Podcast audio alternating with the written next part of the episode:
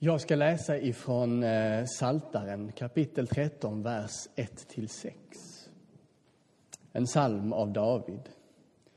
Hur länge ska du gömma, glömma mig, Herre? Hur länge ska du dölja ditt ansikte? Hur länge ska tankarna mala? Mitt hjärta ängslas dag efter dag. Hur länge ska min fiende triumfera? Se på mig, svara mig, Herre min Gud. Ge ny glans åt mina ögon. Låt mig inte somna in i döden. Låt inte min fiende säga att han besegrat mig. Mina ovänner jublar över mitt fall. Jag litar på din godhet. Mitt hjärta ska jubla över din hjälp. Jag vill sjunga till Herrens ära ty han är god mot mig. Can you hear a million voices calling out in the rain? Så sjöng Tusse när han vann Melodifestivalen i år och så sjöng No Crash och barnkören Joyful för oss idag. A million voices, en miljon röster. Det är många röster det. Jag tänkte direkt på de miljontals röster som måste nå Gud varje dag i bön. Och kanske många fler därtill. Hur många ber egentligen till Gud? Ja, det är en siffra vi aldrig kan ta reda på, tror jag. Hur många ber varje dag? Hur många ber varje vecka? Hur många ber överhuvudtaget? Ber du? Svaret på den frågan borde kanske vara lika självklart i en predikan till en kristen församling som frågan om du tror på Gud. Men så självklart tror jag inte att svaret alltid är. Inte på frågan om bön. Nej, kanske inte är frågan om tron heller lika självklar varje gång eller varje dag. I vissa avseenden men jag tror att många av oss ibland lider av dåligt självförtroende i både bön och i tro. Ja, dåligt självförtroende i vår relation till Jesus, i vår relation till Gud. Ber du? Vår tro att Gud finns där någonstans är kanske ganska ofta ohotad i vårt inre. Men vad har det egentligen för konsekvens i våra liv? Hur tar det sig uttryck? Där tror jag att vi kan vackla desto mer. Men är det då vår tro på Gud som är svag eller är det egentligen vår tro på oss själva i Gud som är svag? Är det denna brottningskamp som kung David ger uttryck för i början i den här salmen där han undrar var Gud har tagit vägen? Hur länge ska du glömma mig? frågar han. Jag är ju fast och fullständigt övertygad om att Gud inte glömmer någon enda av oss. Och David landar i den insikten till slut också. Då han vill jubla inför Herren, för han vet att Gud är trofast. Men han brottas med att se och förstå att Gud finns närvarande i hans liv. Men ligger då problemet hos Gud? Eller är det han själv som har kommit i vägen? Är det vi som ibland kommer i vägen för oss själva? Ber du? Jag hade som barn ett ganska gott självförtroende i, i tron. Och i övriga livet så var det väl kanske sådär, men jag var ganska orubblig i min tro när jag var liten. Jag växte väl kanske upp i den bästa tänkbara miljö i en kyrka, en församling, en familj som gick dit i en turnébuss med en hel kör som sjöng och prisade Gud. Och där var jag mitt i det och visste inget annat. Hur kunde inte min tro vara orubblig och fast? Och vem jag var i Gud, ett av Guds älskade barn. En fantastisk tid och nostalgisk som jag är så längtar jag alltid tillbaks dit och brottas med att leva i den verkliga världen. Där samma trygghet kanske inte alltid finns. Men jag hade koll på läget som barn. Jag var stolt över min bibel med mitt namn graverat i guldbokstäver på framsidan som jag hade fått här i kyrkan. Mina tvivel och funderingar och det här lite vacklande självförtroendet i tron, det kom upp mer i tonåren när jag började betrakta andra kristna som verkade ha så mycket bättre koll än vad jag tyckte att jag hade. De bad oftare, trodde jag. De var mer hängivna, hängivna i bönen, trodde jag åtminstone. Jag är idag ganska övertygad om att det fanns de i min omgivning som tänkte samma sak om mig, där jag stod med armarna lyfta i lovsången och längtade efter den heliga Andes beröring och kraft. Stod vi kanske där och längtade efter samma sak och betraktade varandra som den andra mer helig än jag. Och förstå mig rätt, det är ju inget fel att stå med armarna sträckta och sjunga lovsång. Det är härligt. Och längta efter Andens kraft, det är härligt. Men för mig blev det en grej att jag, som jag var tvungen att göra för att visa andra, men kanske ännu mer visa för mig själv att jag är minsann en riktig kristen. Min tro är på riktigt. Jag duger inför Gud. Och vi fick ofta uppmaningen att man, det bästa är att om man kan ta en fem, tio minuter på morgonen eller på kvällen sittandes på sängkanten och be till Gud.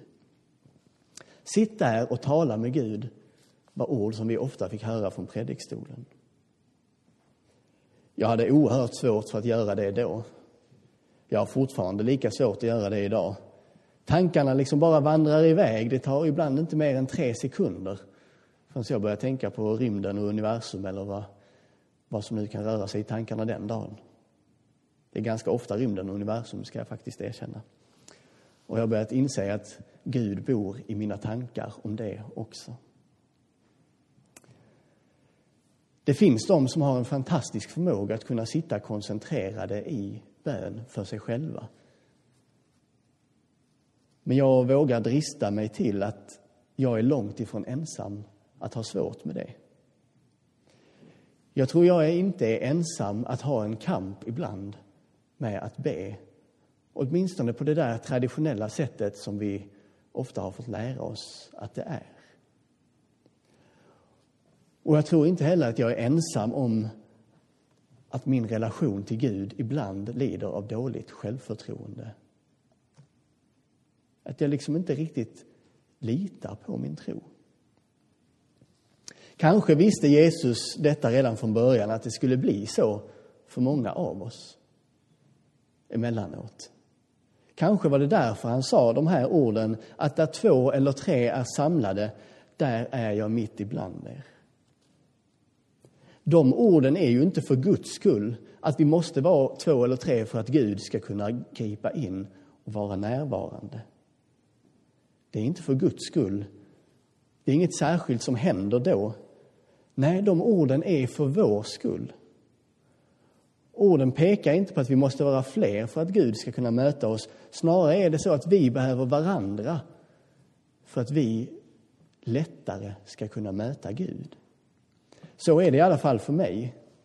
Jag behöver andra troende runt omkring mig för att känna att min tro lever. För att känna att min relation med Gud är där, där jag vill att den ska vara. Allra bäst i tron mår jag idag till exempel när barnen är här och sjunger och spelar och vi får vara tillsammans. Eller när jag får hänga och undervisa, hänga med och undervisa med ungdomarna. Det är det bästa jag vet. Eller jag får vara i ett samtal om tron med en annan människa. Där, i det mötet, då suddas vart tvivel ut och jag känner ett starkt självförtroende i min tro och min relation med Jesus. Där i mötet med andra människor. Det behöver inte ens vara en annan kristen som jag samtalar om tro med. Det kan vara någon som ifrågasätter mig i min tro. Men bara att mötet med en annan människa och tron och relationen med Gud får vara i fokus. Då är jag i bön med hela mitt väsen. Kan du känna igen dig i detta, undrar jag.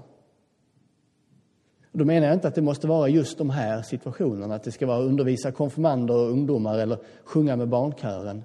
Men att det finns stunder i ditt liv, i mötet med andra, där liksom det här tvivlet och självförtroendet försvinner.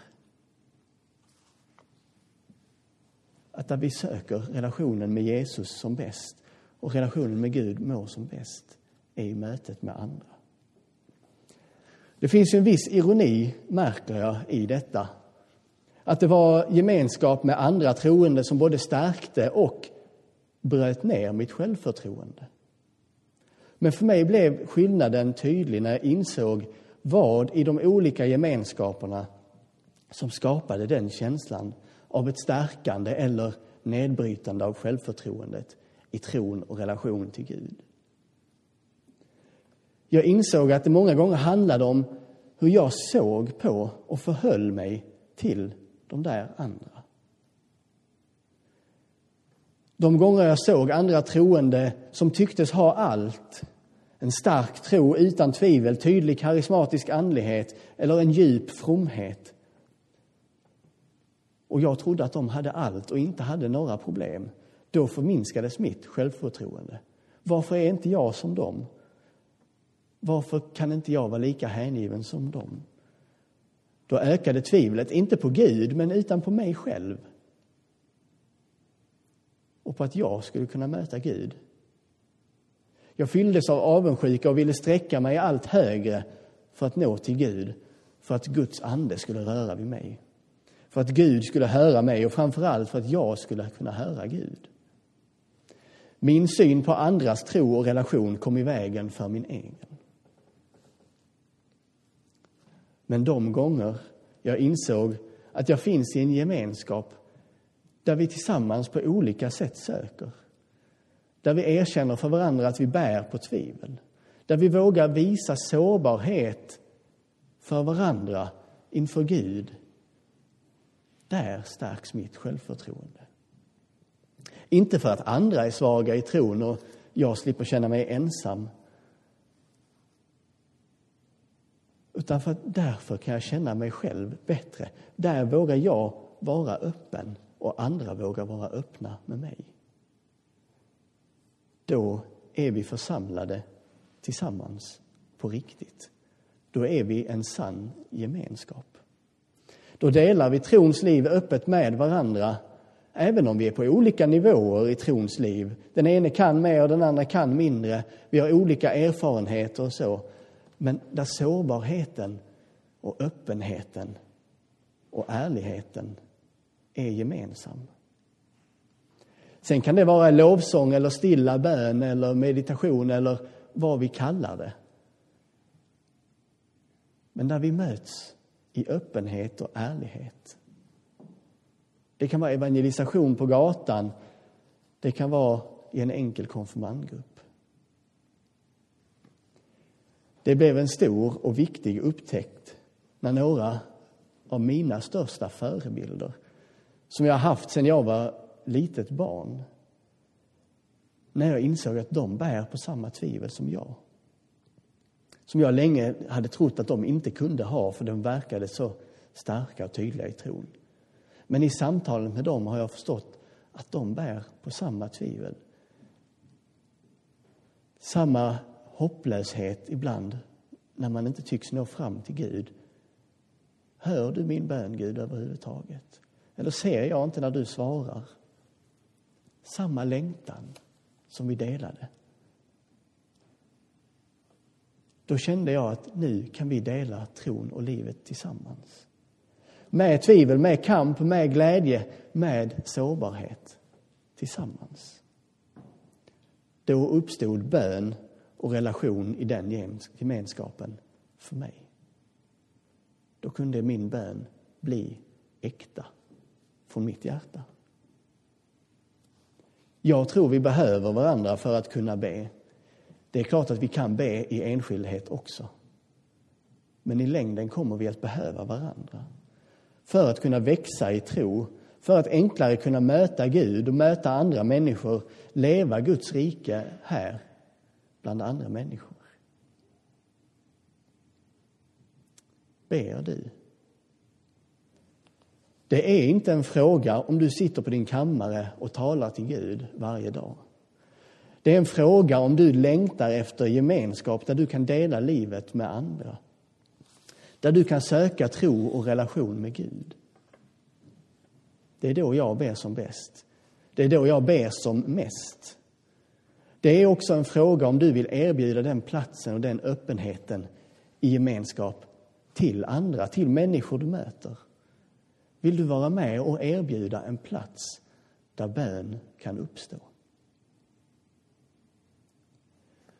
Pandemin är förhoppningsvis snart över. Då hoppas jag att du och jag kan mötas igen och att vi då kan se på varandra öppet och faktiskt dela livet och tron som den är med dess toppar och med dess dalar. Den tron och den församlingen tror jag blir attraktiv för människor. Där vill jag leva och vara. Där kan jag be till Gud.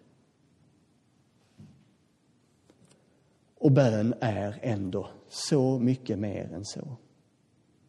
Det är enkelt för en del, det är svårt för andra.